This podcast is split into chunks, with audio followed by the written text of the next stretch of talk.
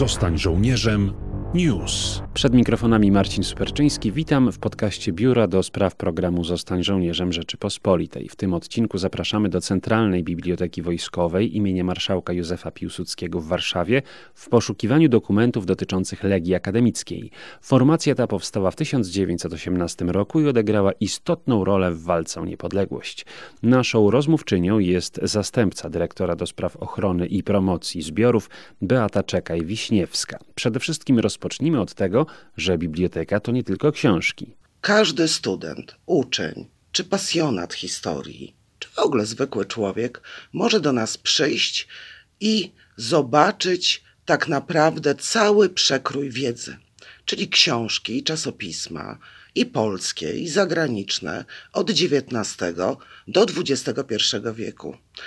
Są to też materiały z różnych dziedzin wiedzy nie tylko wojsko, nie tylko obronność, nie tylko bezpieczeństwo, ale również prawo, administracja, medycyna, zarządzanie. Oczywiście, oprócz tych zbiorów, my je nazywamy głównymi, czyli książkami i czasopismami, są również materiały tak zwane specjalne, czyli rękopisy, te najcenniejsze, bo zawsze jednostkowe, stare druki, kartografia, fotografie, plakaty, medale odznaczenia, różnego rodzaju eksponaty, na przykład tabakierki z powstania styczniowego. Jest tego naprawdę bardzo, bardzo wiele. Mamy nawet mundury. Co wyróżnia Centralną Bibliotekę Wojskową? Tak naprawdę my od dawna mówimy, że Centralna Biblioteka Wojskowa to coś więcej niż biblioteka. To ośrodek kultury. Naszym głównym zadaniem jest oczywiście udostępnianie i popularyzowanie wiedzy o Wojsku Polskim, obronności i bezpieczeństwie. I dla nas najważniejszą zawsze sprawą jest czytelnik i to, żeby jego potrzeby informacyjne były zaspokojone, ale prowadzimy też inną działalność. Po pierwsze, działalność naukową. Od prawie 100 lat wydajemy polską bibliografię wojskową. W tym roku właśnie będzie stulecie. Zbieramy na dany temat wiadomości z różnych gazet i książek, więc każdy w pigułce, każdy badacz, bo to przeważnie jest dla naukowców i badaczy, znajdzie coś dla siebie. Przygotowujemy wystawy, wystawy i plenerowe, i gablotowe. Przygotowujemy publikacje i wydajemy je. Prowadzimy szkolenia i warsztaty. Realizujemy także filmy od scenariusza poprzez e, udostępnianie ich przede wszystkim w głównych sieciach telewizyjnych. TVP Historia bardzo z nami e, współpracuje w tym zakresie. A teraz przejdźmy do historii Legii Akademickiej. W jakich okolicznościach powstała? Początków Legii Akademickiej należy szukać w zjeździe Akademickiej Młodzieży Niepodległościowej, który odbył się w listopadzie 1918 roku w Lwowie. Przedstawiciele studentów postanowili wówczas wziąć czynny udział w walce o niepodległość państwa. Decyzję o utworzeniu Legii podjęto na wiecu akademickim na Politechnice Warszawskiej a zgodę na wstępowanie studentów do Legii Akademickiej wyraziły senaty akademickie czterech warszawskich uczelni Politechniki Warszawskiej, Uniwersytetu Warszawskiego, Szkoły Głównej Gospodarstwa Wiejskiego i Szkoły Głównej Handlowej. Legię akademicką tworzyła młodzież, która wstąpiła do niej w ramach poboru lub ochotniczego zaciągu. Oprócz Warszawy, legie akademickie zostały także utworzone w ośrodkach naukowych w Lublinie, w Krakowie, w Poznaniu, w Wilnie i w Lwowie. Już 10 listopada pododdziały Legii witały Józefa Piłsudskiego, powracającego z Magdeburga. Komendant przyjął ten fakt z nieukrywanym zadowoleniem i wyznaczył na pierwszego dowódcę oficera legionowego porucznika Kazimierza Sawickiego. W pierwszych dniach po utworzeniu Legii Akademickiej jej członkowie pełnili służbę wartowniczą w budynkach instytucji państwowych i wojskowych oraz składach i magazynach przejętych od wojsk niemieckich. 11 listopada utworzono Akademicki Komitet Wykonawczy, utworzono też Komendę Legii Akademickiej. W grudniu 1918 roku rozpoczęto przekształcanie Legii w pułk piechoty. Od roku 1929 oficjalna nazwa jednostki brzmiała 36. Pułk Piechoty Legii Akademickiej. Jednak niedługo po odzyskaniu niepodległości Legia Akademicka zakończyła działalność. Wznowiła ją po kilkunastu latach. Wojna polsko-bolszewicka 1920 roku zakończyła niestety działalność Legii Akademickiej jako ogólnopolskiej organizacji proobronnej dla środowisk akademickich. Działalność Legii została przywrócona w 1937 roku. Rada Ministrów nałożyła wówczas obowiązek odbycia przysposobienia do wojskowej służby pomocniczej na mężczyzn, studentów i uczniów szkół akademickich, szkół wyższych państwowych i prywatnych. Wykonanie rozporządzenia powierzone zostało ministrowi spraw wojskowych. 1 września 1938 roku weszła w życie ustawa o powszechnym obowiązku wojskowym, która po raz pierwszy sankcjonowała ochotniczy udział kobiet w powszechnym obowiązku wojskowym.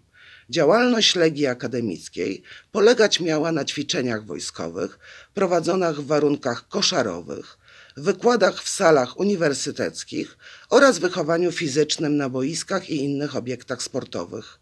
Głównym celem było upowszechnienie wiedzy wojskowej i wychowanie w duchu szlachetnego polskiego militaryzmu jako wyrazu siły twórczej dla użycia jej w sprawach słusznych i sprawiedliwych. Jakie dokumenty dotyczące Legii Akademickiej są w Państwa zbiorach, które mogą zainteresować potencjalnych czytelników, no i badaczy? Niestety dokumentów związanych z Legią Akademicką za dużo u nas nie ma ale zachęcamy do zapoznania się ze, zbi ze zbiorami dotyczącymi 36 Pułku Piechoty Legii Akademickiej, który kontynuował tradycję Legii Akademickiej. Ciekawe są m.in.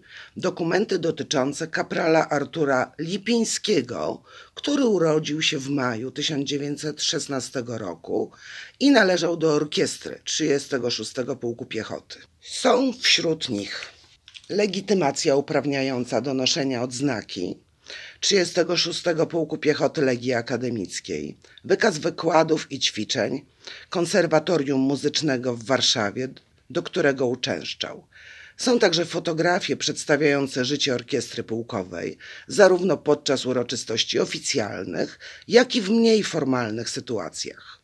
W tym miejscu warto zaznaczyć, że orkiestra była uznawana za jedną z najlepszych orkiestr wojskowych w okresie międzywojennym. Zbiór ten zawiera także zdjęcia z manewrów 36 Pułku Piechoty w sierpniu 1939 roku. Manewry odbywały się w rejonie Glinianka i Wola Karczewska. Sam pułk został zaliczony w planie mobilizacyjnym do grupy jednostek przeznaczonych do wzmacniania sił w rejonie zagrożonej granicy. Ciekawe są również relacje kapitana Lucjana Zielińskiego z okresu działań 36 Pułku w wojnie obronnej 1939 roku, jak również notatnik Mieczysława Konopińskiego, żołnierza 36 Pułku. W zbiorach znajdują się także fotografie zbiorowe 36 e, Pułku Piechoty. 36 Pułk Piechoty Legii Akademickiej walczył oczywiście w wojnie obronnej 1939 roku.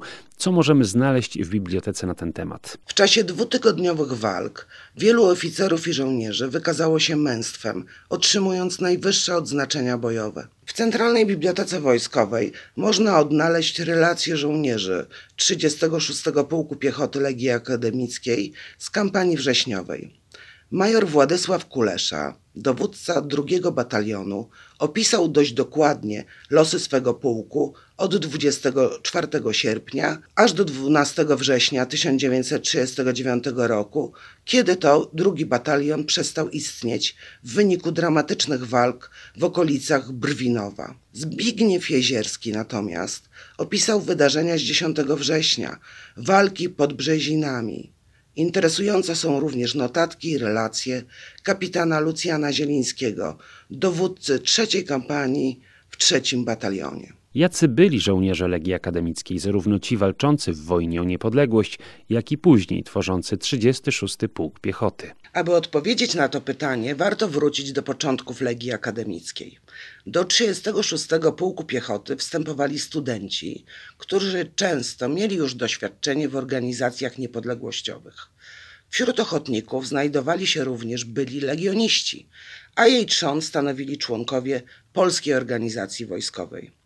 W grudniu 1918 roku pułk liczył 1200 żołnierzy, z czego 800 stanowili studenci warszawskich uczelni. Pozostali zaś to młodzież wywodząca się z rodzin robotniczych, rzemieślniczych i ziemiańskich. Mimo młodego wieku członkowie Legii Akademickiej mieli w sobie dużo zapału i chęci do walki. Pułk piechoty był bardzo dobrze wyposażony w sprzęt i nie odstawał pod tym względem od innych pułków. Studenci szybko chłonęli wiedzę i przystosowywali się do roli żołnierza. 36. Pułk Piechoty w 1919 roku uczestniczył w walkach na froncie polsko-ukraińskim, szczególnie wyróżniając się w obronie Lwowa.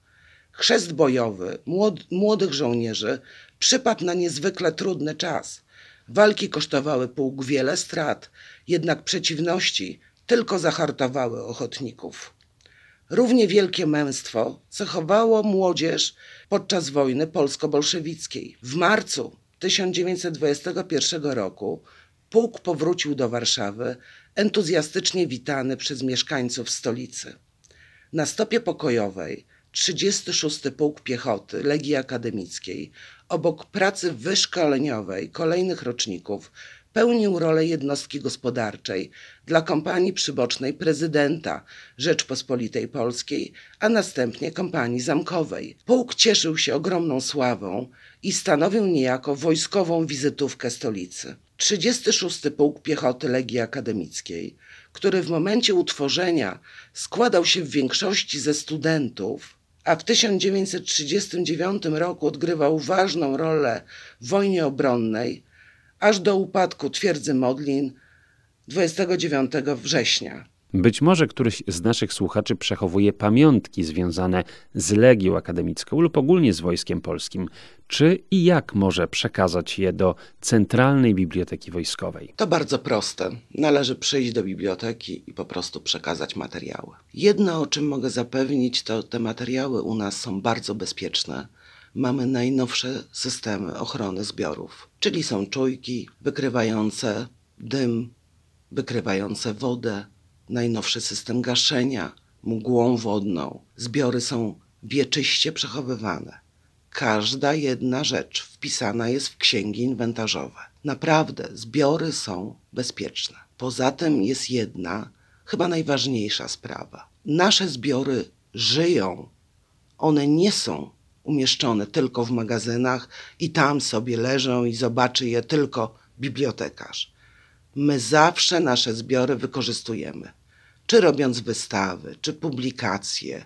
Staramy się, żeby zawsze były one pokazywane i zaświadczały o losach wszystkich naszych przodków. Zapraszamy do korzystania z Centralnej Biblioteki Wojskowej. Wystarczy się zapisać. Osoby poniżej 16 roku życia muszą poprosić swoich rodziców czy opiekunów o wsparcie. Osoby spoza Warszawy mogą wypożyczać materiały po uiszczeniu kaucji. Można także skorzystać z zasobów biblioteki za pośrednictwem internetu. Zapraszamy, warto. Marcin Superczyński, do usłyszenia. Zostań żołnierzem. News.